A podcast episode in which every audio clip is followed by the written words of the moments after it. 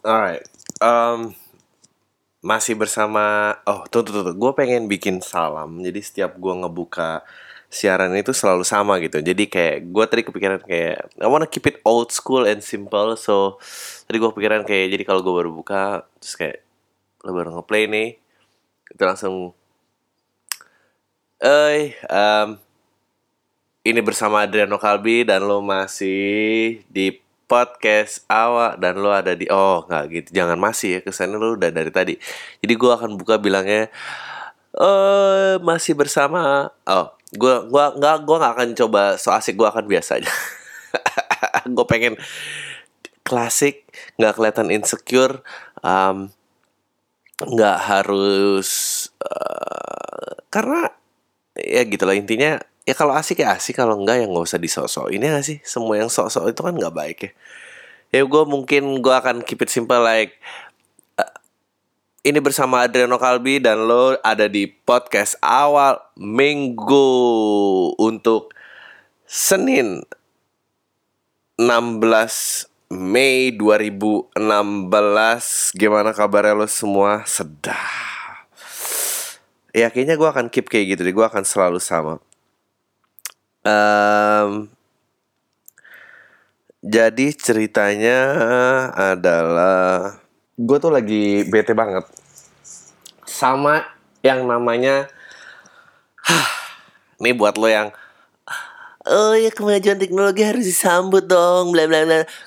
Gue bete Gue udah pernah nge-bitching tentang ini Dan gue akan bitching lagi Gara-gara gue bete banget sama yang namanya uh, e-tol, kartu e-tol anything um, yang bersifat bit bit itu namanya kalau nggak salah uh, Bitcoin. Jadi um, ya apa pun deh uh, e-tol lah, uh, flash, uh, T-cash, whatever whatever what the fuck that yang semuanya ngeluarin gitu ya yang lu tau kan yang yang duit lu udah diambil dan lu cuma dikasih uh, angka digital aja just hope bahwa uh, ini value-nya sama sama duit lo gue tuh sebel banget kenapa sih kita harus dibodohin sama yang kayak gini-gini? Kalau value-nya sama sama duit gue gue bisa tuker sama currency lain bisa nggak ditukar sama currency lain? Nggak bisa kan so shut the fuck up. So don't tell me it simplify my life gitu. Why don't you open another gate of toll? Jadi gue bisa masuk gitu. Sekarang masuk tol tuh ngantri dia bikin yang cashless tuh jadi banyak banget dan yang mau bayar pakai cash jadi dipersulit gitu. Dia kan pasti janjinya gitu ya kalau duit lu kasih kita kan kita kasih pelayanan lebih. Enggak lu nggak ngasih pelayanan lebih. Lu ngurangin pelayanan yang ada biar produk baru lu ini bisa jalan gitu. Uh, ini sih sih this is why gue nggak akan pernah bisa dapet uh, sponsor dari brand-brand yang baru aja gue sebut. Tapi eh gue kasih tau ya emang banking tuh emang banking tuh menurut gue adalah um, bentuk usaha yang paling keji tau gak lo? Lu, lu, lu bentuk transaksi di mana sih? Sama bentuk usaha apa sih yang yang yang apa bukan barang duluan yang lu nikmatin baru lu bayar? Hah? Selain bank tuh siapa sih yang berani kayak gitu? Lu bayangin ya, lu make rumah bordil aja. Ya, bank tuh lebih kejam daripada rumah bordil. Rumah bordil aja lu make dulu lu baru bayar. Hah? Ini tuh ini lu tuh udah bayar udah bayar tapi jasanya belum lu ambil. Itu kan otaknya aduh sumpah ya. Ah dan orang-orang tuh kayak di, di, mereka tuh bingung gitu untuk nge-push ini ke masyarakat gimana kenapa sih orang-orang mau cash ini tuh lebih aman bla bla bla. Oh bukan nyimpen duit di bank itu mesti udah aman. Kenapa gue udah harus lebih aman lagi daripada nyimpen duit di bank? Kan udah gitu gue beli produk lu juga lagi yang yang di gue kan duitnya is it still my money? Hah? Sampai gue nyimpen duit di bank lu aja lu udah nggak mau megangin semuanya ditukar dengan uh, bitcoin ini. Asli nih orang-orang bener-bener. Like iya Make PSK aja nggak gitu-gitu banget belum pernah ada gue sehebat. Semua tuh barang jasa dulu baru ada bayaran gitu. Ini nih yang mulai dibalik dibalik ini nih. Eh, demi kemajuan teknologi nih kelancaran. Ah, tai. Sumpah gue kesel banget loh sama kayak gini-gini. Gue tuh harus apa gue juga gue oh ya gue balik lagi tadi bahas apa dan mereka tuh bingung gitu kenapa uh, manusia eh kenapa produk ini nggak nggak nggak nggak bisa nempel di masyarakat gitu susah banget ngepushnya gitu. Tadinya kartunya gratis nggak bayar kan sekarang kartunya bayar harus dua puluh ribu terus lu baru uh, bisa ngisi lagi gitu ya. Pasti harus ada tawaran-tawaran diskon di sini lah diskon di sana lah. It's it's it, it all works the same gitu loh.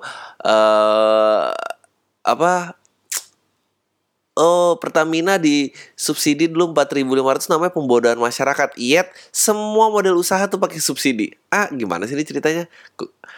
Yang sharing ekonomi kendaraan transportasi semua juga kayak gitu kan. Tapi kalau di sini lu nggak ada yang protes gitu. Padahal mah ya kalau subsidi itu adalah bentuk di mana lu sebetulnya nggak bisa jual apa yang lu bikin gitu. So, oh ya ntar disubsidi dulu dibikin seolah-olah ini lancar dapetin diskon di tempat-tempat lain. Ntar when you're hook on us semua diskon di tempat lain nggak ada. Ya kan? Uh, ini tuh mm, ini tuh semua sama seperti uh, ya ya seperti sama kayak ngedeketin cewek sih manis di awal gitu. Habis itu belakangnya kayak tai-tai semua. Jadi emang sebetulnya dunia tuh bergerak dengan seperti itu ya. Kalau lu apa adanya dari awal tuh emang sulit tumbuhnya gitu kayak podcast ini gitu. Harus pencitraan nih agak pinter uh, seolah-olah nih mengandung beban yang berat uh, seolah-olah ini membukakan wawasan uh, seolah-olah ini membela gerakan yang benar. Baru tuh banyak tuh tumbuh tuh. Ntar begitu uh, udah terkumpul masanya ya habis itu dia kayak blow onnya sama yang lain. Ini si Adri ngomong gini tuh nyindir siapa sih sebetulnya? Hah, pelaku-pelaku dunia hiburan yang lain ya, Dri ya? Itu yang maksud lu ya? Anjing, gue tuh ngumpulin orang-orang kayak gini aja nih di podcast gue. Enggak, gue gak nyindir-nyindir kayak gitu. Tapi ya, Dri lu udah sebut juga sekarang itu udah ada di kepala gue. Jadi gue gimana ngilanginnya? Eh, I don't know, I don't care. Apa tadi? Gue mau bahas poin tadi nggak nggak kelar. Orang-orang kayak balik lagi ke itu ah, kayak oh ini kenapa sih susah banget? Gitu. Uh, suka mereka suka konsultasi gitu kan. Gimana cara masarin ini? Kok masyarakat nggak latch on ya? Gini gini gini. I tell you why kenapa kita nggak bisa adopsi uh, kita masuk ke dunia cashless society oke? Okay? gue kasih tau karena ya kartu lu itu harganya dua puluh ribu dan dua puluh ribu tuh ketoprak masih dapat dua biji. Jadi so so shut the fuck up gitu. Bahwa emang kemakmuran konsumer lu tuh ya di situ gitu. Lu don't say stuff like oh ya Indonesia tuh udah maju ini ah, lu kita tuh nggak segitu majunya um, mungkin kalau maju juga kota besar atau kota metropolitan which is yang cuma ada 15 kali ya um, abis itu ya udah gitu. Lu berharap apa gitu yang sekarang lu pengen dua puluh ribu masih jadi ketoprak dua gitu terus lu harus jadi cashless gitu dia nggak bisa lah gitu. Makanya kita tuh sama-sama membangun kemakmuran dulu. Cik so having said that you know gue tuh um, gue pengen kemakmuran tuh sebetulnya bukan cuma ma ini emang gitu. Kalau nggak makmur tuh apa aja tuh susah gitu. Kalau udah miskin dan blow on tuh disuruh apa aja pasti ribet. Jadi ya itulah gitu. Oh ya by the way itu tadi kemakmuran tuh bukan cuma masalah punya duit ya gitu. Kemakmuran tuh uh, um, berpendidikan lumayan kaya makan nggak susah baru bisa berubah gampang beradab bisa gitu. Tapi kalau perut lapar tapi harus ini kan susah. Anyway gue pengen bahas sebuah topik gitu ya. Sebetulnya ada requestnya dan um, gue kira gue udah pernah bahas uh, ternyata belum. Dan um, ada email satu yang nggak pernah gue baca uh, semoga orang ini masih mau dengerin ya. Um, tapi gue tuh takut karena karena sweeping lagi banyak banget gue nggak semoga lu bisa tebak nih kira-kira topiknya apa gitu ya sweeping lagi banyak banget di SFM gue ada yang minta di email email ada beberapa yang minta, ada yang udah ngemail dari pertama kali podcast ini berdiri. Um, dan gue waktu itu kayak mikir kan gue jarang baca ya gitu dan, dan sebagian besar informasi yang gue sampaikan ke lo itu tidak bisa diklarifikasi kebenarannya. Itu semua merupakan saduran. Ya kalau uh, kalau kata ceramah-ceramah penting sih gitu. Gue bah pakai bahasa kode semua nih. Kalau kata ceramah-ceramah penting ya kalau yang kalau yang ucapan yang seperti itu kan keluar dari filterisasi manusia. Jadi pasti ada cacat tetapi kalau yang ini ini tidak melalui filter manusia. Lo tau gue baru aja ngebandingin gue sama apa? Eh, intinya kan gitu. Jadi gue nggak gue juga nggak mau gue ngerasa gue yang paling uh, udah deh cepet lu lama. Uh, lu ngisi sejam aja kan sebenarnya. Iya gue ngisi sejam. Um, gue nggak pengen um, karena nggak bisa di pertanggungjawabkan kedua um, membahayakan diri gue. Jadi gue tadi gue pagi kan CFD nih ceritanya. Karena uh, minggu pagi ya karena sang istri lagi ada tugas gue nongkrong lah di FX nah ketemu deh tuh gue sama Maman Suherman. Biasalah dia uh, ya kita sama-sama merupakan penggemar karya masing-masing lah gitu. Which is gue cukup beruntung gitu ya gue ya fans gue dikit tapi sekali yang ngefans Maman.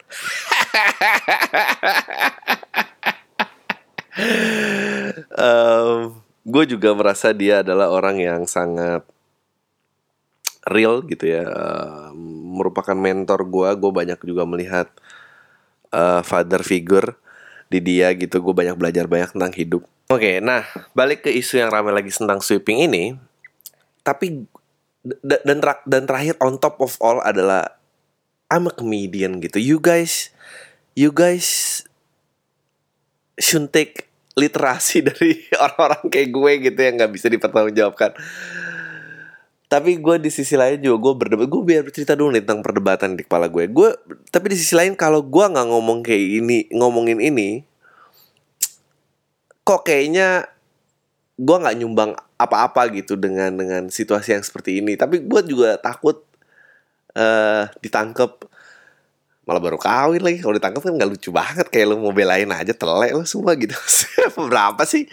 Kami dari dari mana nih rame-rame semua nih? Kami dari kolam tai bang. Mau bebasin bang Adriano Kalbi apa? Iya kolam tai. Ah gimana kapan bisa dianggap seriusnya kita gitu? Kantor polisi ngomongin gini oke okay. gue mau uh, terus gue jadi gue berdiskusi dengan beliau. Gue mau nanya tentang topik hari ini gue bilang gitu. Boleh gak sih kalau gue bahas aduh dia bilang jangan. Wah kalau dia udah bilang jangan gue berarti ini jangan tak tapi dia bilang gini jangan bahas sejarah Indonesia nya tapi bahaslah uh, ideologinya. Mungkin dari situ nggak apa-apa. Nah dari situlah ntar baru masuk uh, tapi spesifikasi si tiga huruf yang diharamkan eh, uh, itu gitu ya uh, karena ini ngeri banget gitu buku-buku udah dibakar um, orang uh, orang pakai kaos pencinta kopi Indonesia ditangkap Ihi, ya itu pasti udah tau lah mau bahas apa. Oke, jadi gue bahas ideologinya aja. Gue nggak bisa masuk ke sejarah karena gue takut. Jadi gue um, ya nggak sampai situ. Jadi kita kita kita bahas jadi ada ada perspektif yang luas banget yang yang pengen gue introduce ya ini ala ala biasa lah Adriano Kalbi di podcast soal minggu gitu ya. Gue pernah ngomongin tentang kemakmuran oke? Okay? commonwealth tentang wealth. Kenapa commonwealth? Jadi kemakmuran ini harus dibagikan kamu kemakmuran ini harus menjadi sesuatu yang umum tidak bisa hanya thrive di tempat peradaban-peradaban yang maju. Nah, dulu dulu nih nak gitu. pada abad uh, eh, 15 dan 16 anjing kita mundur jauh banget ada eh, bangsa-bangsa yang merasa dia ini lebih maju daripada eh, bangsa-bangsa dunia lain gitu. Of course monarki itu sudah berdiri ya. Sebuah kerajaan tuh udah berdiri di mana Indonesia pun juga punya.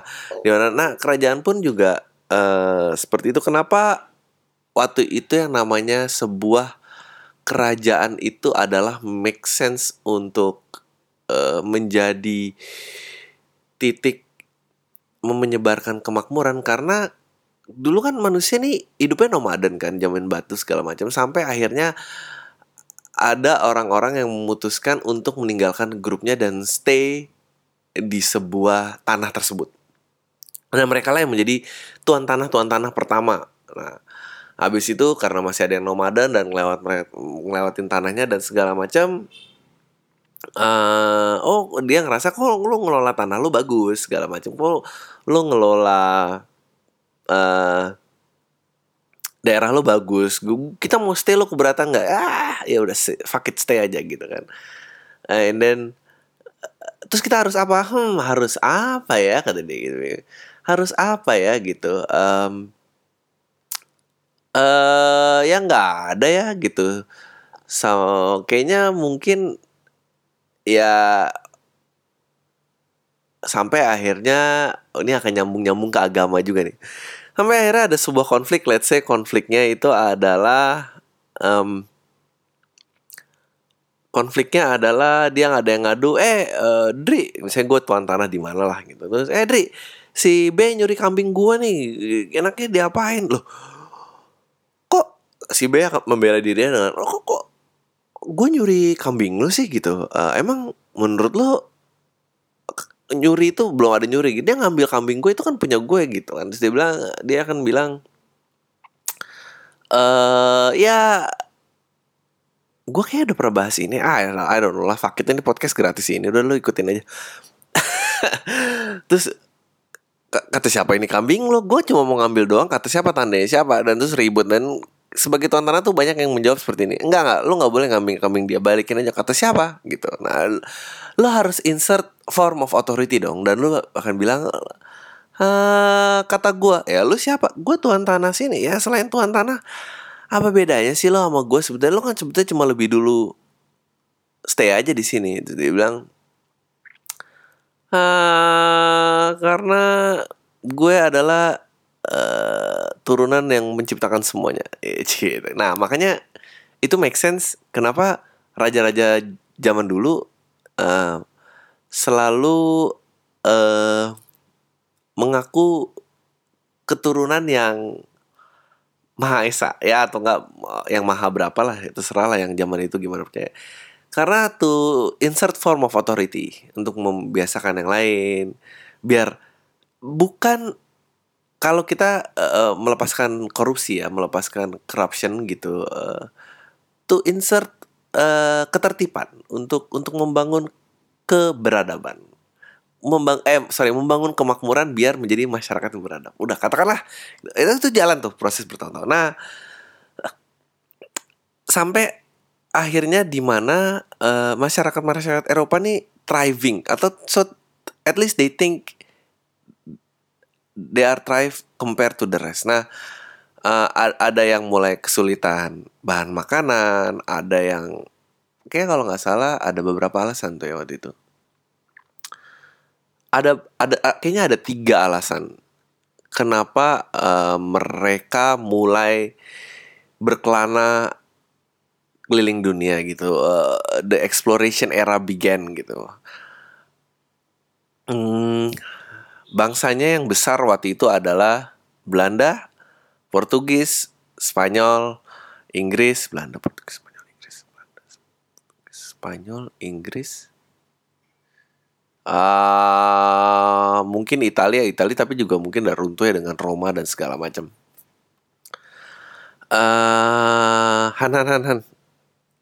Bangsa penjajah apalagi Inggris, Portugis, Spanyol, ada empat maksudnya, Prancis, Belanda, Belanda lima, oke lima ya, ya oke dengan lima. Mereka travel around the world. Alasannya ada tiga. Gua nggak tahu siapa yang punya siapa. Satu, they have a shortage of bahan makanan. Kedua, mereka udah mencapai titik civilization tertentu. Mereka merasa kemak it has to be applied somewhere else. This is working so well for us. Ini harus uh, di tempat lain. Ketiga uh, menyebarkan jalan jalanan Tuhan dan segala macam. Karena this is what works in my country, bla bla bla. Oke lah, dia set off nih, terbang, red, jebar ya, termasuk um, Belanda yang nyampe akhirnya ke Indonesia gitu ya, which is Portugis juga nyampe dan segala macam. Uh, tap, tapi mungkin yang paling true to the source untuk uh, menyebarkan kemakmuran adalah itu mungkin cuma Inggris. Makanya dulu Inggris itu punya like G7, G20 uh, something tentang negara-negara yang tergabung dalam persemakmurannya dia gitu. Uh, karena emang dia mempunyai kompleks uh, bukan kompleksitas ya gitu. Yang lainnya sih lebih kayak udah ngambil demi keuntungannya sendiri aja lah. Dah, itu monark nih. Uh, itu, itu monarki gitu. So, kenapa kenapa uh, monarki make sense? Karena ya dia satu uh, ada yang pengakuan dia sebagai uh, turunan yang divine gitu ya uh, akhirnya semua orang patuh dan dia yang punya akses informasi lebih banyak dan makanya cuma uh, diturunkan sistemnya linear. Oke ini udah mulai masuk nih ke ideologi ya. Gue sosok ngajarin gue nggak tahu nih joknya di mana tapi gue ya tau lah. Anyway akhirnya um, berkembang lah gitu. Dan dan akhirnya run run bangsa saya runtuh paling cuma sampai uh, apa namanya uh, di aduh sorry. Inggris doang yang nggak runtuh gitu. Inggris tuh berhasil menjaga negara-negara pesemakmurannya gitu which is nyebar di Afrika di Asia Tenggara juga ada Malaysia Singapura dan macam-macam lah. Nah tapi ada nih bagian dari uh, Perancis dan Inggris kalau nggak salah ya, yang yang nyampe ke Amerika. Oke, okay? nah pada saat nyampe di Amerika, uh, mereka memutuskan untuk Oke, okay, kenapa mereka memutuskan untuk membantai uh, native land?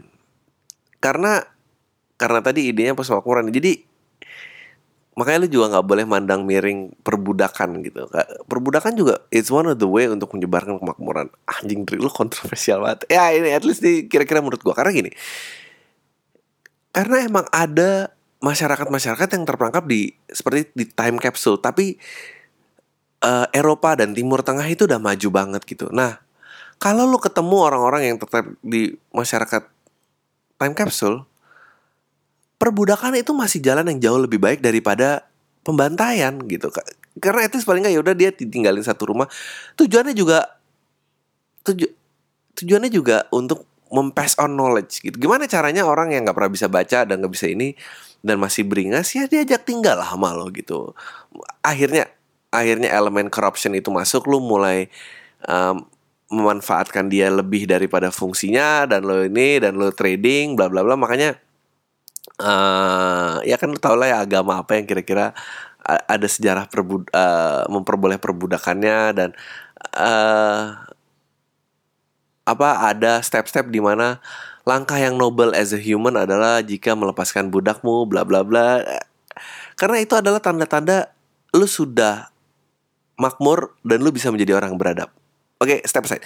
Nah anyway intinya adalah ada orang-orang yang memutuskan untuk fuck yaudah deh dari diperbudak juga susah. Kita bantai aja budaknya kita import dari dari satu aliran yang jualin budak ini kan kita kan. Kita udah akhirnya dibawa lah. Nah udah nih dibawa nih. Nah ini nih Amerika mulai jadi nih nih hal yang lain masih sibuk ngejajah ngejajah yang lain. Yang yang lainnya ngejajah yang dia ngebantai eksplorasi ngebuka tanah terus. Sampai udah tuh mulailah tercipta uh, I think it was the original was 15 state. Nah, abis itu mereka memutuskan untuk memutuskan untuk melepaskan pengaruhnya dari Prancis dan Great Britain. Perang lah mereka, perang with their motherland to establish their own. Uh, dia mau lepas dari cengkraman uh, yang sangat uh, monarki inilah. Nah, terus ada juga uh, anyway gue biar nggak pindah-pindah. Udah, abis itu kelar nih, dah nih. Terjebak, dah ini mulailah terestablish sendiri.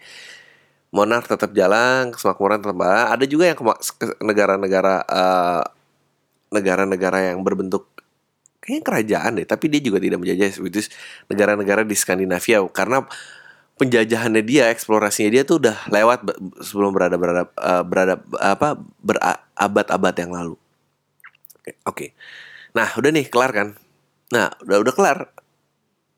Nah, terus Monar jalan ini grow tuh karena tidak ada namanya tuan tanah dan segala macam muncullah benih-benih pertama of capitalism. Capitalism Lism atau kapitalisme isme isme itu apa sih? Aliran pedoman gitu. Kapital berarti kapital ka, aliran yang merujuk pada pemilik modal.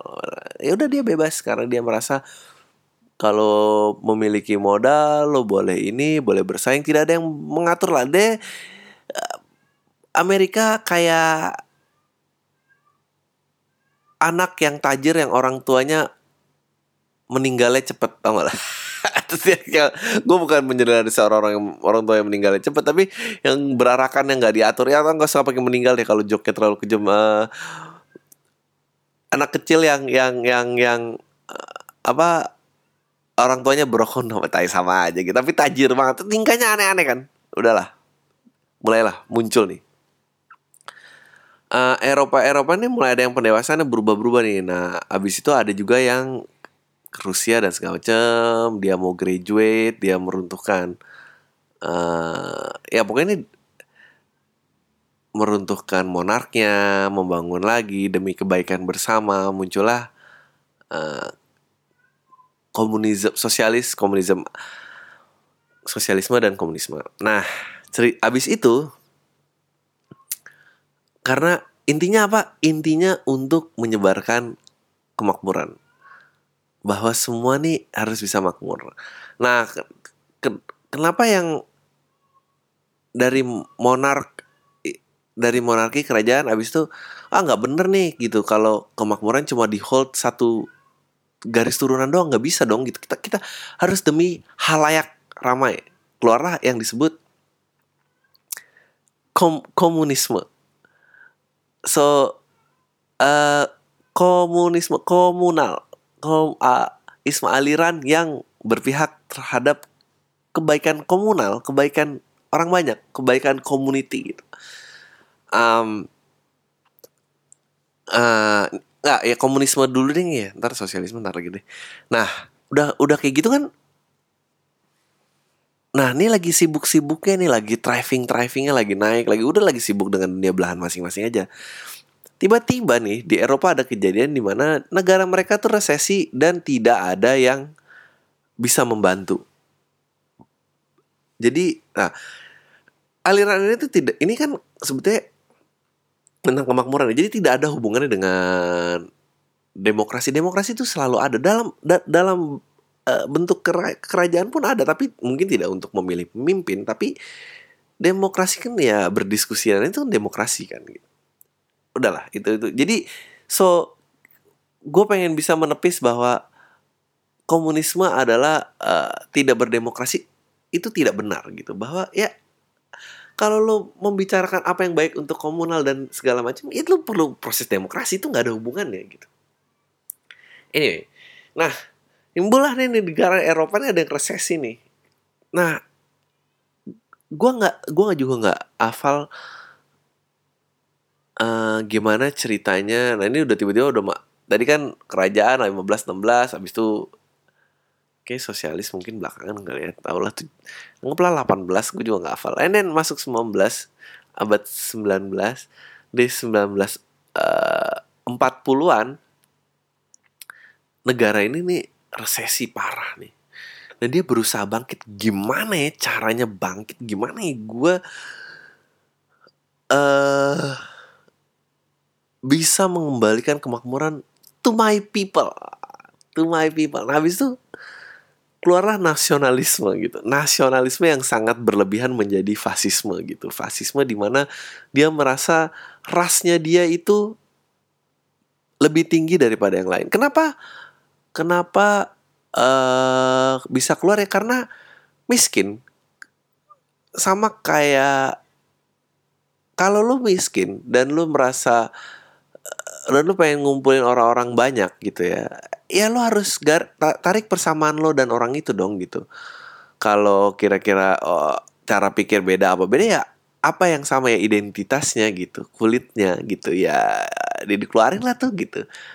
Ya fa fa fasisme bukan bentuknya cuma nasionalisme loh yang sangat bermaniak pada agamanya pun dan mengumpulkan hanya orang dan hanya mau berdialog sama orang-orang yang satu agama dan tingkat keekstrimannya sama itu pun bisa menjadi fasis gitu. Uh, anjing nih ke mana-mana. Kan kalau kayak serius gini enak nih 30 menit nggak berasa. Terus udahlah keluar nih.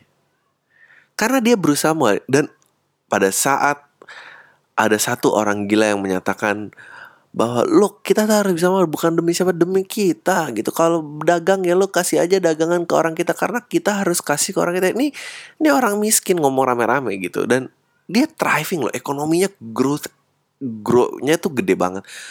Habis itu of course dong diterima masyarakat dan besar. Habis itu dia harus ekspansi dong. Nggak bisa dia mentok di sini doang. Gimana caranya? Um, ya dia harus ngebantai mulai ngebantai negara-negara lain nih gitu. Nah ini tuh muncul di dua titik. Gue nggak tahu kenapa bisa muncul di saat bersamaan gitu. Di mana um, di mana satu mewakili kulit putih, satu mewakili kulit kuning gitu. Si kulit kuning ini juga merasa ya enggak ini harus ngeboy ini harus mengikuti kita bla bla bla karena kita adalah cahaya Asia apa dulu mereka punya sembunyian itu ya gitulah. Nah, sebetulnya ketegangan antara si British masih dengan monarki meskipun dia udah nggak nggak pure monark lah dia udah mulai bergeser kekuatan rajanya itu dia pun udah mulai bergeser ke sosialisme. Nah oke okay, masuk sosial oh ini hold dulu ya. Jadi ada grow of fascisme di dua titik. Oke. Okay. nah kenapa ada fase sosialisme? Sosialisme adalah tuh fase uh, apa fa fase uh, in between. Jadi nggak mungkin yang namanya dulu, dulu Obama pernah speech bagus banget. Dia bilang nggak pernah nah society berubah 180 derajat itu tidak mungkin. Itu sama aja lo ngembalikin kapal 180 derajat which akan kebalik. Society harus berputar pelan-pelan. Jadi kan harus ada perpindahan kekuasaan nih. Nah ini kan pasti berdarah-darah nih ceritanya gitu kan. Pasti di dalam perangnya juga di dalam negara dia banyak perangnya. Nah inilah uh, sosialisme keluar di mana the justice is for social gitu. Lu juga jangan gitu-gitu banget lah kalau yang miskin mau lebih kaya dikit. Bukan berarti yang orang kayaknya kita bantai gila-gilaan. Enggak lah, berarti kayak harus di tengah-tengah nih. Untuk switch di ujung biar bisa nyampe ke komunisme. Nah, udah lah ya, nisip ya. Oke okay ya, tapi ya. Sebetulnya Inggris pun juga udah mulai kayak gitu gitu. Bahkan gue rasa negara-negara Skandinavia pun dia masih ada kayak emblem-emblem kerajaannya tapi dia pun udah sosialis banget gitu. Nah, si Rusia nih ngerasa skip, oh, udahlah kita langsung aja lah. Komunisme ngapain sih kayak gitu-gitu. Toh kita tidak ada peralihan apa pun, kita emang di land yang sangat baru ini, eh, kayaknya mereka juga baru nggak ya tanahnya eksplorasi nggak ya? Ya pokoknya intinya gitu lah. Ah, udahlah. Ini, nah ini tuh sebetulnya ada perbedaan-perbedaan. Ini ini udah mulai bersih tegang nih nah negara-negara ini mulai memperluas pengaruh-pengaruhnya dan ya udahlah berdagang di antara yang di negara yang memberikan pengaruh dan yang dipengaruhi aja udah gitu. Sampai akhirnya udah mulai tegang tapi belum pecah. Sampai akhirnya si Indonesia ya masih itu di bawah pengaruh Belanda berusaha menjadi uh, dirinya sendiri dan segala macam Indonesia masih aduh ngapain ya? Gitu gitu gitu. Kita kita belum tahu uh, kita belum gabung sama siapa-siapa atau mungkin yang masih ngerasa satu rumpun baru Jawa sama Sumatera kali itu Kalimantan masih belum uh, Sulawesi belum Irian Jaya belum gabung lah Papua sorry bukan Irian Jaya Timur Timur apalagi. Nah um, akhirnya tiba-tiba begitu fasisme ini meledak semua orang kayak anjing fakit kita kita kita berhenti dulu deh nih Oke, kita berhenti dulu. Kita perangin dulu nih. Ini, ini yang satu ini benar-benar destroying our way of life. our way of life karena dia merasa cuma pengen dagang di orang-orangnya dia doang uh, maksudnya hanya buat orang-orangnya saja gitu ini ini uh, apa balas dendamnya orang yang dulu dibully lah ini semua step apa menyingkirkan perbedaannya memerangi fasisme blar kelar habis fasisme runtuh udahlah kembali zaman masing nah tapi ini si komunisme dan kapitalisme nih makin gede nih tensinya makin gede. Nah, perdebatan yang selalu ada pertanyaan yang sangat filosofikal di antara dua aliran ini adalah si kapitalisme tuh percaya bahwa innovation itu created through competition. Pada saat persaingan tinggi, look, kalau gue punya toko roti, lu punya toko roti lagi, kalau gue jual roti coklat, ya, hmm, kalau dia jual coklat, coklat gue kalah enak, oke okay lah gue masih bisa coklat, tapi gue mungkin uh, roti keju kali ya yang dia nggak punya. Dia believe bahwa innovation happen because of competition. Nah di sisi lain orang-orang komunis merasa enggak lah ya innovation ya bisa aja innovation as long as you can imagine mesti ada gitu nggak perlu lah kompetisi kompetisi ini karena kalau dibalikin lagi ke orang, orang itu nanti biggest enemy-nya adalah greed. Gue gak tahu mereka mikir beneran kayak gini apa emang kira-kira connect the dotnya gue gitu. Ini nih pasti kira-kira pembelaan dari dua aliran ini kayak gini lah. Karena capital itu nanti ntar kepentingannya individu susah kalau balik lagi ke individu kapan baik buat orang banyaknya gitu bisa lah kita nah udahlah perang nih adu pengaruh deh dan segala macam pada saat adu perang oh ngeluncurin ada ekspedisi luar angkasa lah, beradu uh, banyak-banyakan medali di Olimpiade lah. Uh, by the way, Jerman tuh sempat loh ikut uh, Olimpiade dan dia berusaha. Nah ini, oh ini ini intermezzo sedikit. It, ini ini kenapa brand yang namanya uh, Adidas itu uh, eh Adidas apa apa ya? Oh, enggak, enggak, enggak. Jadi gini ceritanya. Jadi Adidas itu uh, yang bikin itu oh ya enggak, enggak benar Adidas. Jadi Adidas itu tadinya supplier bootnya tentara Nazi. Sampai akhirnya anjing nih sih kayak Hitler gila banget nih. Dan Hitler merasa enggak bangsa Arya nih bangsa paling tinggi lihat aja kita Olimpiade ntar juga banyak nih. Uh, kita adalah ras yang unggul, kita pasti akan merajai setiap kompetisi sampai akhirnya di lomba gue lupa apakah lompat jauh atau sprint akhirnya atlet Jermannya itu dikalahin sama orang Rusia. Eh orang Rusia orang Afrika. Nah, orang Afrika itu ini maksudnya African American ya jadi orang Amerika. Nama atletnya kalau nggak salah uh, Jesse Owens. Uh, Jesse Owens 100 meter. Nah 100 meter itu sepatunya Adidas. Jadi um, ya nggak tahu lah kenapa gimana ceritanya. Padahal tadi Adidas itu adalah sponsor hmm, sponsor uh, apa supplier bootnya tentara Nazi. Itu Olimpiade ya bener kan ini Olimpiade tahun anyway. Jesse Owens Olimpiade tahun ya Hitler game nih kalau nggak salah strat Olimpiade tahun 36 ya. Anyway, nah tadi ya, ya long story short pokoknya akhirnya uh, begitu fasismenya runtuh kan kepecah dua tuh Jerman jadi Jerman Barat Jerman Timur nah um, abis itu pecah deh tuh adik kakak tuh. Satu Adidas sudah stay di Jerman Barat. Satu lagi jadi Puma deh anaknya itu gitu. Sampai akhirnya Puma tuh ngalahin Adidas di Olimpiade yang keberapa gitu. Anyway ini uh, apa namanya? Panjang lah ceritanya. Cingkir keren nih. Ya pokoknya itu uh, Berlin 1936 si Jesse Owens pernah. Gue sampai mana sih tadi ceritanya? Udahlah. Fasisme runtuh nih kepecah Jerman Barat, Jerman Timur, Jerman Barat kayaknya um, ber mereka apa ya? Ber kayaknya kok abis itu menjadi komunis.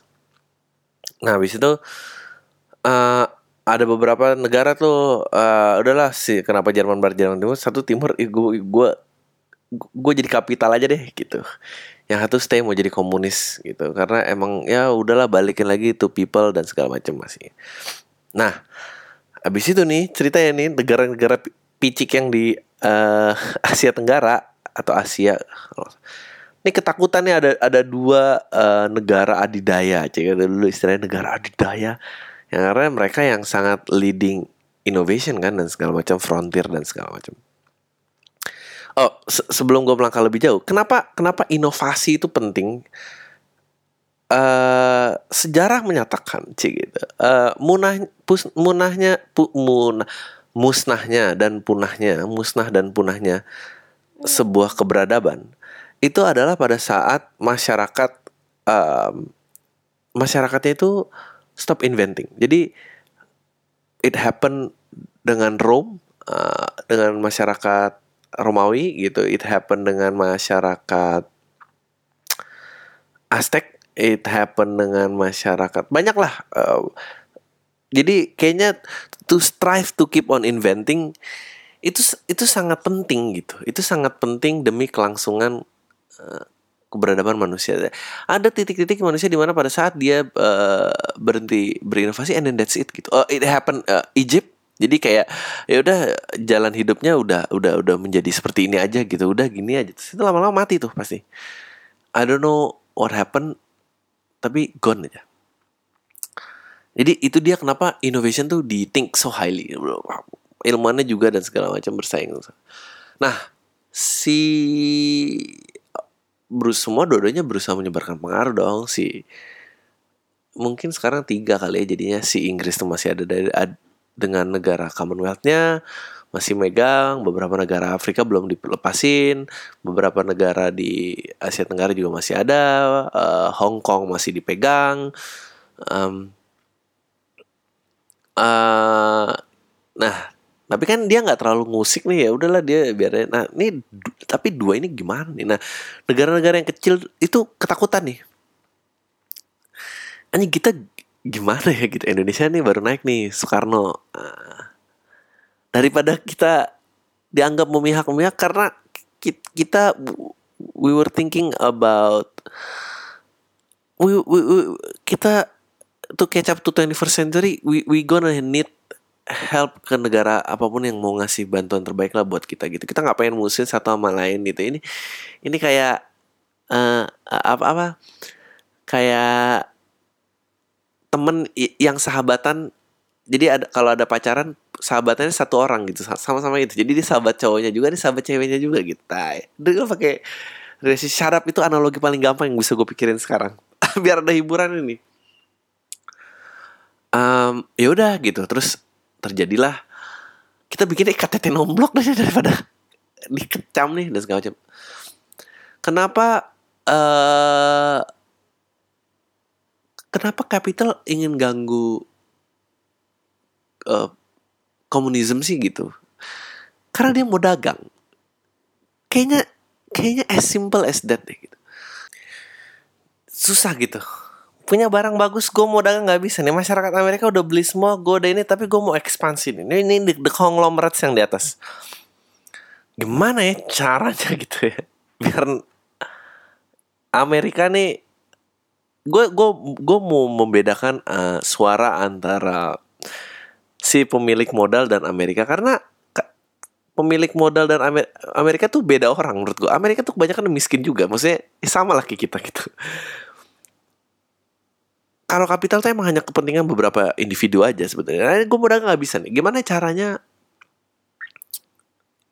um, biar gue bisa nih gue bisa mendobrak ini semua. Nah, mulailah diciptakan apa yang namanya uh, ini tuh kalau Mas Maman punya istilah kriminologinya tuh tapi gue kalau istilah umumnya kita bikin musuh bersama nih biar kita bersatu. Gimana caranya bisa bikin kita kasih tentang informasi-informasi tentang tetangga sebelah yang kira-kira kita sebelah rame-rame nih which sekarang kita emang nge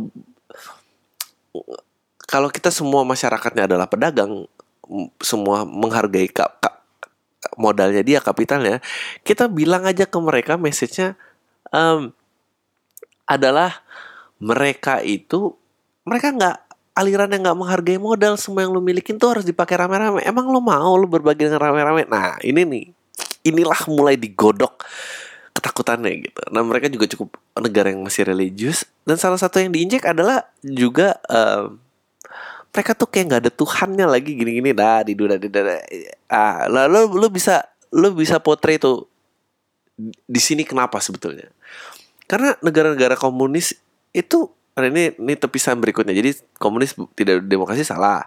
Komunis tidak bertuhan itu juga salah gitu. Karena nggak ada hubungannya kepercayaan lo sama aliran politik lo gitu. Nggak eh aliran politik. Tentang kebijakan ekonomi lo tuh nggak ada gitu. Kalau lo ke Kuba, eh kebanyakan Katolik gitu. Nggak nggak ada urusannya. Uh, eh, gue tadi baca di Google yang masih ada bentuknya sosialis atau komunis itu ternyata Syria.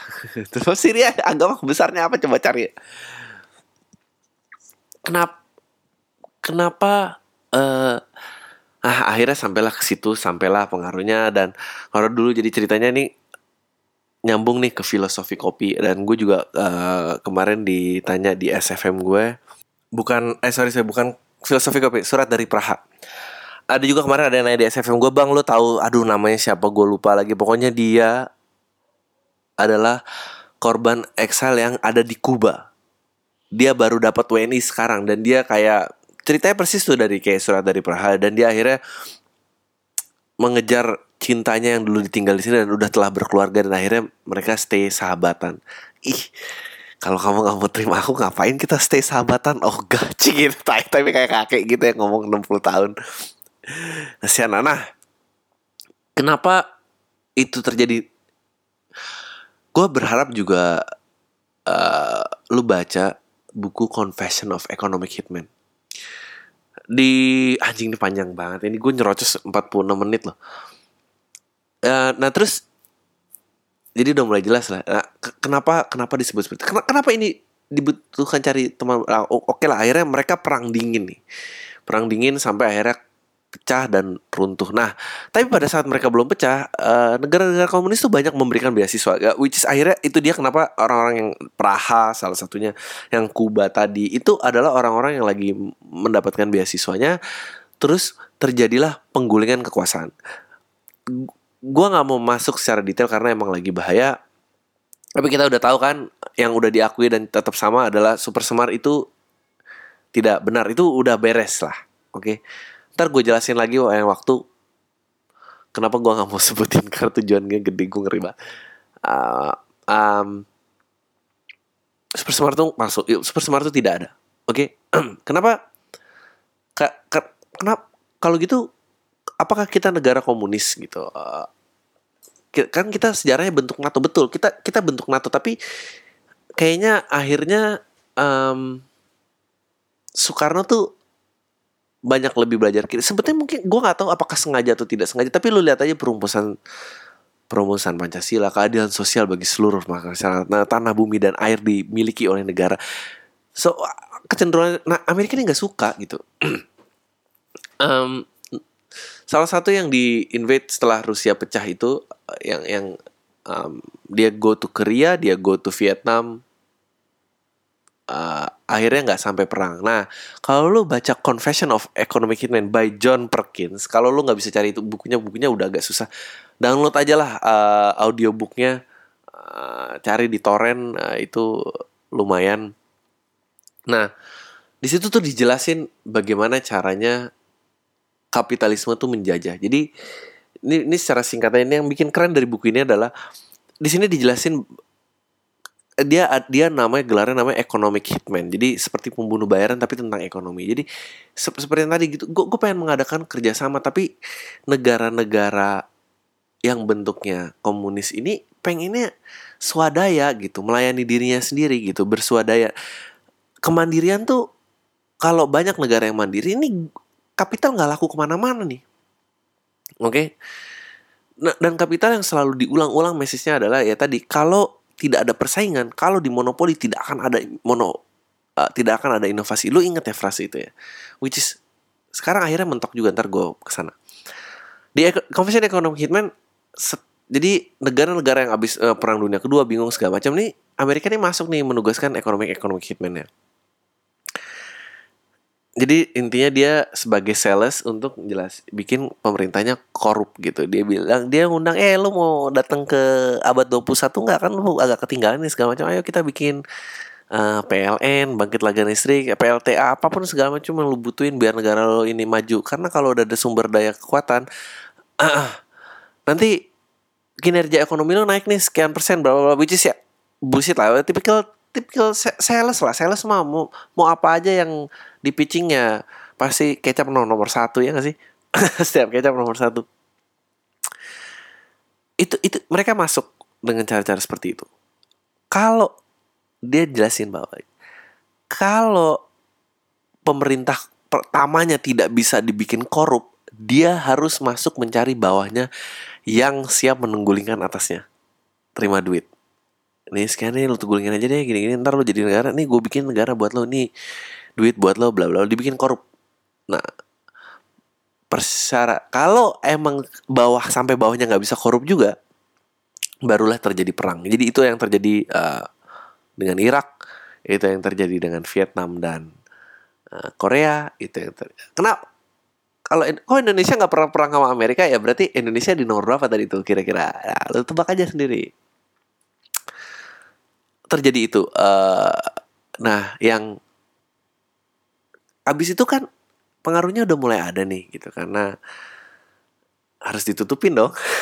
Anjing nih gue harus ditutupin dong karena gue harus ngebantai aliran ini. Ini udah intinya kayak gitu. Nah confession of economy lanjutannya adalah oke okay, lu udah terima duit dari gue nih lu maju lu bikin lu pinjam dari gue nah persyaratannya adalah untuk membangun semua fasilitas ini syaratnya cuma satu kontraktornya harus dari Amerika. Nah jadi duit yang udah dipinjemin itu udah balik lagi ke Amerika. So yang tertinggal adalah kita harus ngelunasin utang selama-lamanya. Uh, habis itu nggak bisa ngelunasin utang ya sumber daya alam diambil lah satu atau gue diri military base di situ dan segala macam segala macam. Nah itu dia kenapa negara-negara kayak Kuba tuh kayak terperangkap di time capsule karena sebetulnya dia incorruptible. Itu hebatnya. It, itu juga sebetulnya hebatnya Korea Utara. Tapi ya suffer emang semuanya. Tapi kalau di jadi tapi susahnya kan uh, karena korup ya. Jadi apa pun paham kemakmuran yang lo ambil kalau korup semua tuh pasti fail susah. Ya eh kayak gini. Ya, ya jadi gue baru aja memberikan that skema how the world works kira-kira dari kedua sisi ya. Gimana? Cukup ya untuk ditelan. Ya kira-kira seperti itu. Jadi paling nggak lo ngerti lah ideologi itu kenapa kenapa itu ideologi berperang. Nah, gue pengen balik lagi ke current day capitalism nih, yang dia merasa uh, enggak karena kapitalisme tuh ada semangat persaingan betul dong ini ini ini. ini. Tapi really apakah betul ada persaingan sekarang dengan era internet yang full blown seperti ini? Uh, menurut apakah tidak ujung-ujungnya terakhirnya di monopoli? Di monopoli men. Karena hanya pemoda, pemilik modal terbesar lah yang akan berkuasa. Do you think akan ada search engine yang ngalahin Google? Dan kalau nggak ada yang ngalahin Google dan bentuk kompetisinya di mana? Apakah akan ada sosial media platform yang lebih besar daripada Facebook? Udah beberapa nih lu lihat nih. Apakah ada sarana sharing ekonomi transportasi lebih besar daripada Uber? Apakah ada there is no way to catch up with these giants gitu. Kalau nggak salah pernah ada tuh yang bikin korporasi giantsnya uh, Google apa-apa dan apa. Cuma empat doang. Basically everything now is owned by four freaking companies gitu. So the capitalism itu akhirnya nggak true dengan alirannya gitu. Uh, so yeah, that's it. Itu kesimpulannya. kesimpulannya. Karena emang mungkin the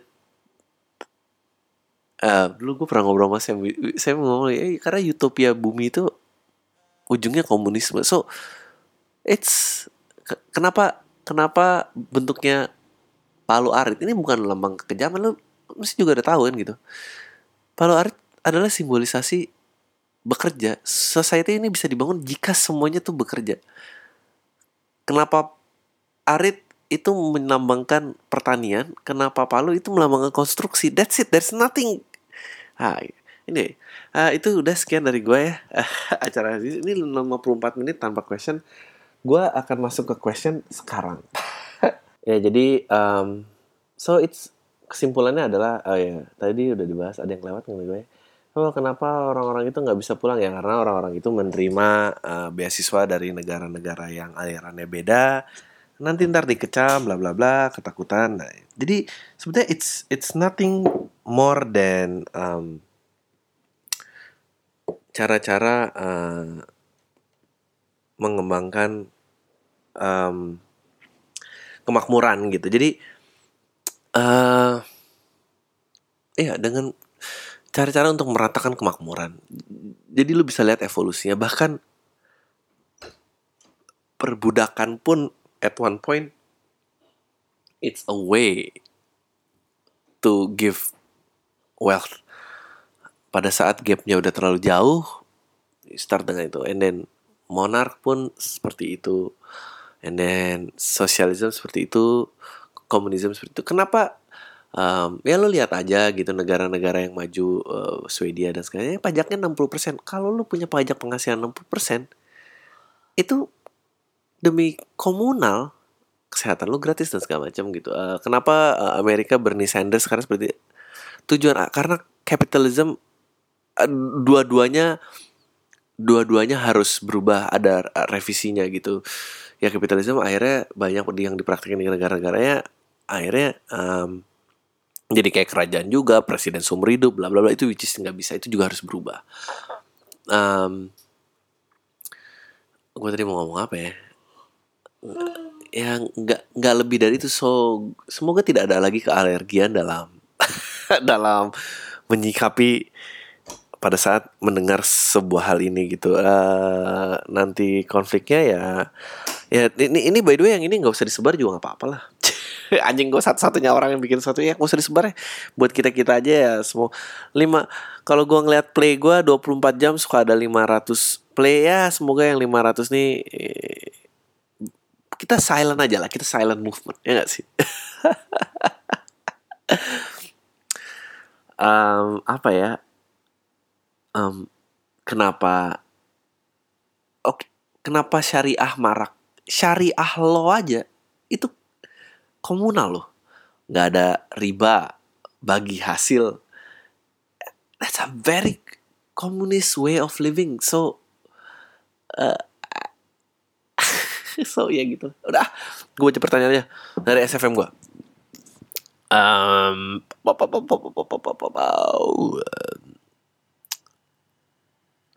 kalau oh nih namanya yang tadi ku uh, gue bahas itu adalah Widodo Sumarjo. Lu cari di Google. Ketemu masih ada. Uh, kalau mau jadi freelancer tipsnya apa Bang Adri? Ah, banyak kenalan, berani mengambil risiko, bla bla bla.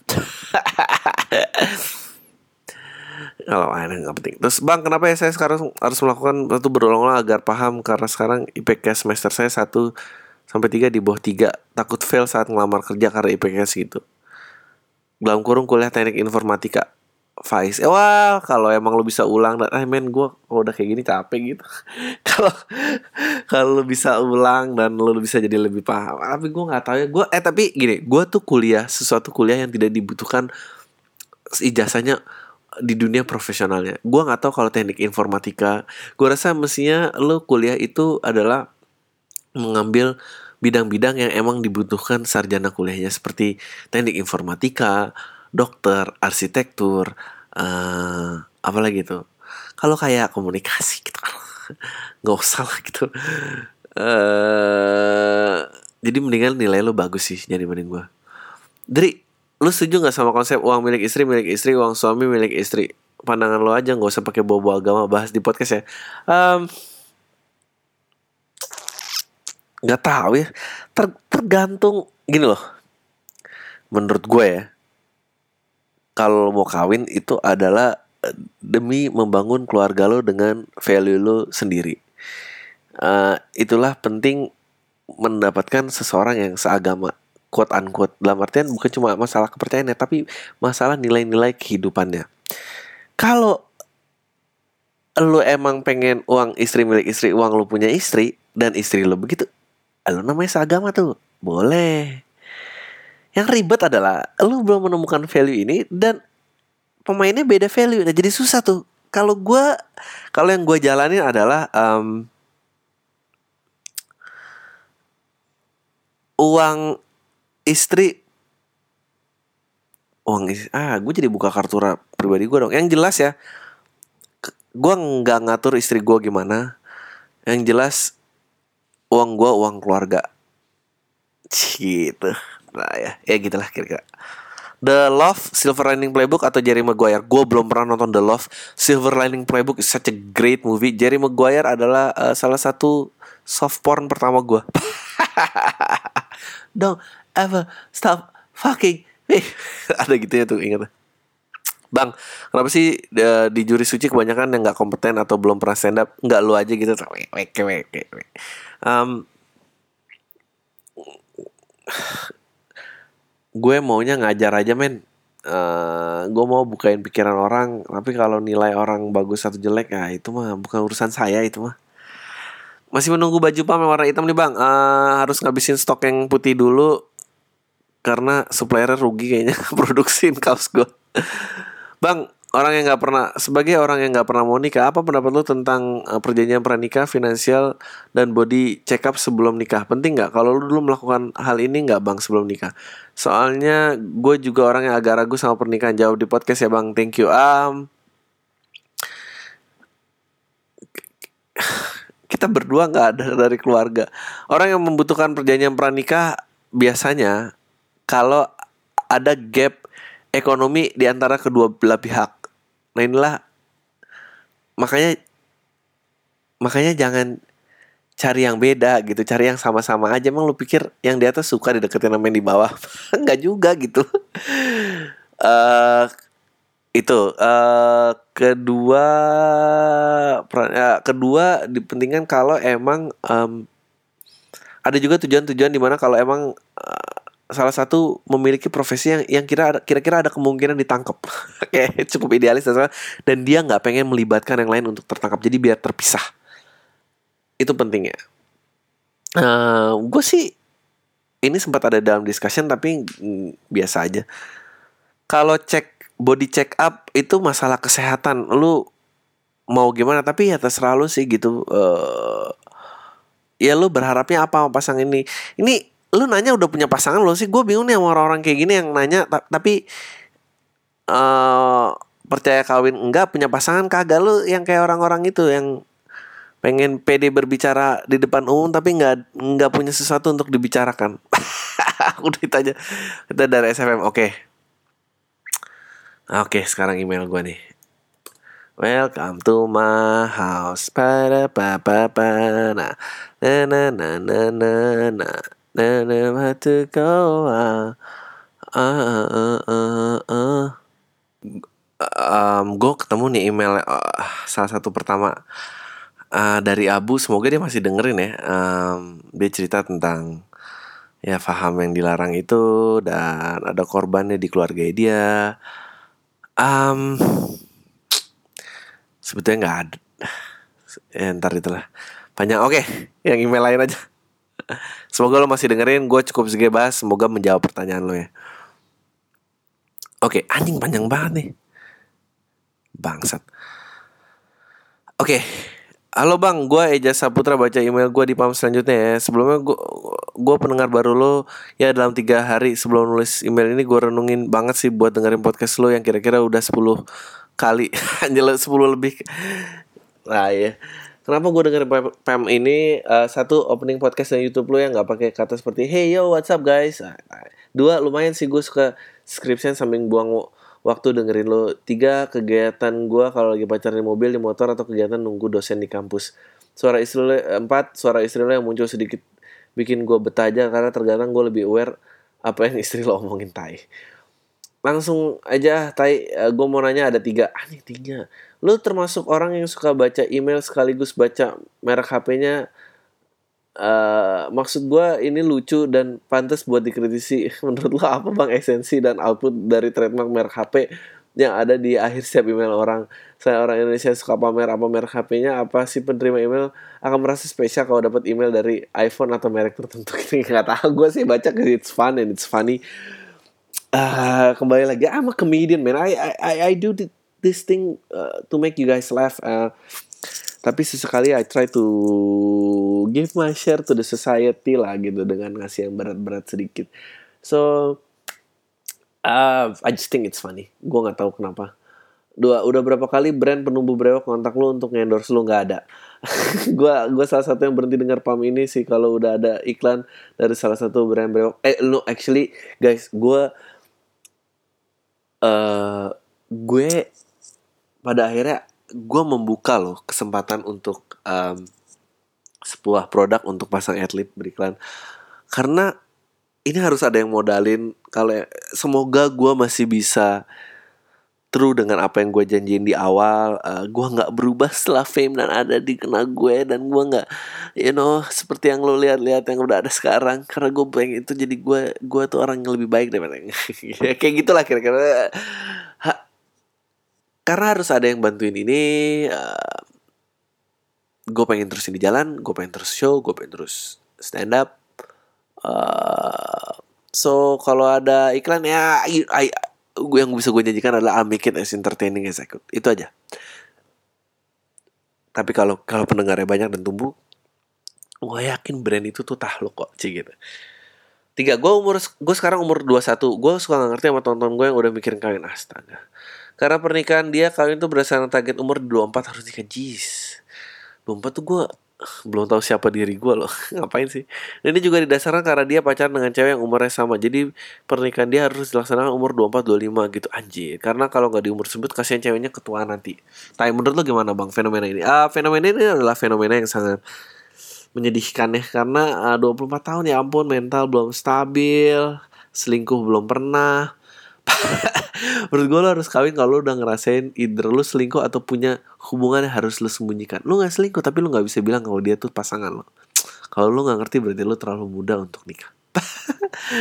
Sa saran ah walaupun lo gak akan terima saran jangan sering-sering masukin istri lo ke podcast ini bang karena point of interest jadi ke istri lo. Haha. Gue masukin istri gue karena gue capek kadang-kadang nggak ada topik dan segala macam dan dia ada sebelah gue ya gue sikut aja salah satu karena suara istri lu suaranya enak dan statementnya oke okay lah. Udah bang kayaknya gue pengirim email paling panjang selama karir pam ini deh. Salam tay bang. Thank you banget. Ini dari Reza. Mas Adi tolongin saya. Dari Yogya saya Jawa medok kuliah di ibu kota. Saya lihat teman teman yang asal Jawa mereka bisa berbaur dengan gak taksi ke Jawa. Mereka dengan berbahasa lo gue cempreng. Lo gue cempreng. Kalau lo lo gue lu emang lu ya kalau gue sih gak masa kayak gitu sih tak bagaimana menyembunyikan menyembunyikan suara bass mereka? Kadang ada yang maksain gitu dan sampai campur sama bahasa Jawa norak banget pokoknya. Gimana ya biar bisa berbaur sama orang lu gue gitu tanpa saya ngomong lu gue soalnya di kelas saya saya dibully karena kemodokan saya tapi saya jadi punya temen gara-gara itu. Cuma yang kayak itu jadi ceng-cengan aja. Salam kopet kopet nih tai dalam bahasa Jawa. Oh, sih like you know what? Kalau uh, semua yang email dari daerah atau uh, dari luar negeri macam ada pendengar dari luar ya ada loh dari Prancis kemarin satu. Tai. Gimana kalau salam tai itu pakai bahasa masing-masing? Send from my iPhone. Wah sombong um, gue actually uh, karena gue lahir dan besar di Jakarta ayah gue orang Jakarta ya gue gue biasa lah gue lo tapi gue tuh tinggal sama orang Bandung dan uh, orang Bali semua tuh aku kamu gue gue sangat menghargai yang beda-beda. Gue sangat benci keter ke sok-sok ke Jakartaan. Ngapain sih gitu ya terserah juga sih mungkin mau menghormati ya, ya boleh-boleh aja. Tapi menurut gue kalau lo dibully dan lo ada punya teman ya teman gara-gara itu itu temen lo yang real. Percuma juga lo ngapain sih gue sama lo dapetin temen yang nggak jelas temen lo apa bukan? Ntar lo jadi mikir anjing dia tuh nemenin gue karena dia suka sama gue apa adanya apa karena gue lo ya? Cik kasihan. Lu mau ditemenin orang gara-gara lu cuma bisa berfasi gue lu nggak usah lah. Gue agak bingung sih gue kemarin juga uh, ngobrol sama ada teman gue lu orang mana sih aslinya? Orang Aceh gitu. Nggak kedengaran kayak orang daerah ya. Gue bilang aja emang nggak kedengeran seperti orang daerah tuh prestasi ya di daerah? Gue gak tahu. Um, uh, apa ya? Iya gitu nggak apa-apa kayak kenapa sih? Itu kan cuma aksen gitu. Uh, gue suka actually ke daerahan. Hmm, dulu gue punya teman orang Surabaya bilang saya saya nggak mau cari cowok kalau nggak medok nggak enak. Katanya gitu nggak mau saya itu kayak Jakarta aneh. So harus ada tuh yang kayak gitu-gitu tuh sih. Nggak usah sebut nama bang sebut aja hamba Allah ya. Eh tunggu bentar. Uh, oh ini dari SFM gue tadi bang uh, yang email dulu tentang check-in patungan kok nggak ada kabarnya lagi? Gue selalu semangat dengerin kalau lo baca. Bang jangan disebut namanya ya. Ya apa kabar yang check-in patungan? Uh, gue pengen nanyain kabar yang check-in patungan apa kabar? Semoga lo masih dengerin. Uh, gue pengen nanya kabar lagi yang awalnya fuck buddy tapi jatuh cinta tapi nggak bisa bersama karena beda ras kalian apa kabar itu ceweknya cinta banget loh keep in touch ya um, Oke ini terakhir ini terakhir kayak terakhir ya. Aduh. Oh bukan ada satu lagi. Damn it. Gak usah sebut nama gue bang, sebut aja hamba Allah dan gitu. Ah, ini pasti nggak seru nih. gue tuh juga agak jengkel sama temen gue yang ngeyel kalau dikasih tahu dia salah tapi dia tetap act like he's right. Gimana yang ngasih taunya jika salah satu komunitas stand up tuh kita satu komunitas stand up. Dia ini nggak pernah lucu he try so hard to be funny udah gue bilangin awalnya stand up tuh dari keresahan dan dia ya aja tapi pas open mic dia pakai materi yang sama dan berulang-ulang gue udah berkali-kali bilang uh, coba materi baru sampai berapa minggu tetap dibawain materi yang maksanya itu. Gue diemin aja. Eh dia nanya gimana pak materi gue ada yang jelek nggak? Si Tai ini dengan polosnya ngomong kayak gitu. Gue sebut ah, sebut nah sebutnya nama dia. Ah enggak gue nggak mau baca nih namanya. Ini nama aslinya nih. Gue nggak mau jelek-jelekin orang ah. Sebut aja dia jadi si dia kemarin ikut lomba gue gue udah tanya materinya ada yang lucu nggak? Dia bilang ada. Gue mintain badanin depan gue dia bilang malas ya udah setelah lomba dia marah-marah tai soalnya gue yang menang. Dia nyalanya uh, penonton nyalain juri. Gimana dong? Ngasih taunya. Kasihan gue bang. Hina banget dia sekarang. Oh ya itu kan nama aslinya. Ah, gue udah tahu nih. Ya lu juga sama tainya lah jadi temennya. Gue gak usah sebut deh nama lo tolonglah beri aku pencerahan. Eh lu ngapain sih temenan? Sih here's the thing ya gue nggak ngerti dengan um, orang-orang yang komunitas yang sama dan segala macem. Uh, gue nggak pernah lu bilang orang nggak lucu sumpah. Meskipun nggak lucu dia juga udah tahu sebetulnya dia nggak lucu. Dia cuma denial aja tapi bukan tugas gue gue bukan emaknya. Tugas gue tuh adalah bikin joke yang baru. Uh, itu aja sih. Uh, dia nggak usah ditemenin aja nggak usah eh men gue lu nanya mulu men gitu aja. Gue kemarin buka kelas juga gitu uh, untuk intinya sih ajaran yang gue sampaikan adalah untuk percaya diri. Karena ini asik-asik ngumpul tapi nggak nambah lucu nih buat apa sih semua? Gue gitu aja bubar aja ngapain? Yang bermanfaat gitu loh. Tinggal satu lagi. Uh, dari idam. Halo Mas Adri mau tanya dong tentang penggunaan materi jokes yang diulang. Saya sebagai audience kalau dengar materi jokes yang udah pernah diulang sebelumnya bakal ada rasa bosan atau minimal berkurang kadar ketawanya. Nah kalau Mas Adri sebagai komedian ya iyalah pasti karena uh, hukum kepuasan kan ada tuh ekonomi ya kepuasan dan frekuensi itu berbanding terbalik. Semakin tinggi frekuensinya kepuasan semakin menurun. Uh, musik juga sebetulnya sama uh, karena kita terbiasa dengerin musik kalau dengerin orang datang main musik tuh yang best hits best hitsnya doang sih. Kalau yang seru tuh datengin musik lu ng ngikutin artis ngikutin albumnya lagi jadi fresh baru. Uh, apalagi lucu lucu kayaknya lucu dan horror itu adalah yang paling nggak bisa diulang sering-sering karena lu udah tahu ya entar lagi nih setannya keluar gue nggak akan kaget bla bla bla. Tapi lagu mungkin masih bisa tapi joke kayaknya agak susah Mas Aris kemudian gimana rasanya pas ngasih materi yang sama berulang-ulang? Ya pasti nggak enak lah.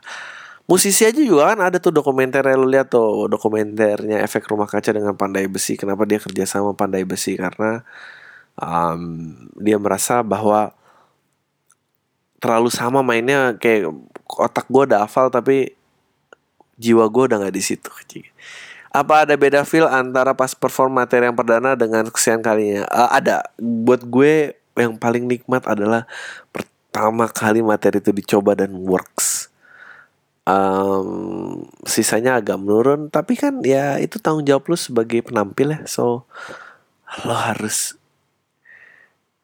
tanggung jawab sebagai penampil tuh kayak gitu. Masa analoginya pasangan lain gue punya analogi lain ya.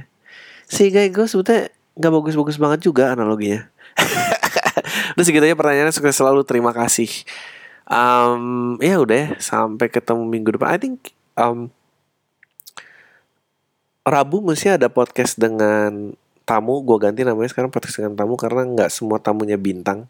Jadi nggak nggak bintang tamu. Sama if you wanna catch me ah yang udah beli tiket ke show mini gue I'll see you guys tanggal 21 Mei.